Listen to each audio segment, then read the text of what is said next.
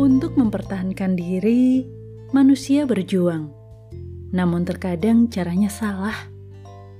Ketika suara-suara memanggil untuk berhenti, alih-alih berhenti dan berbalik kembali, malah mengeraskan hati dan melanjutkan perjalanan yang justru membahayakan.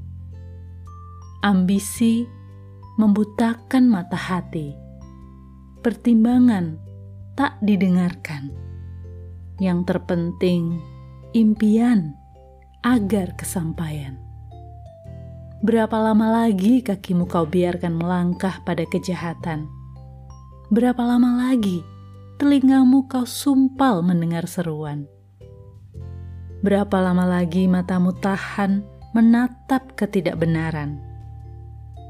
Hidup ini adalah kesempatan dan tak seorang pun tahu kapan kesempatannya berakhir.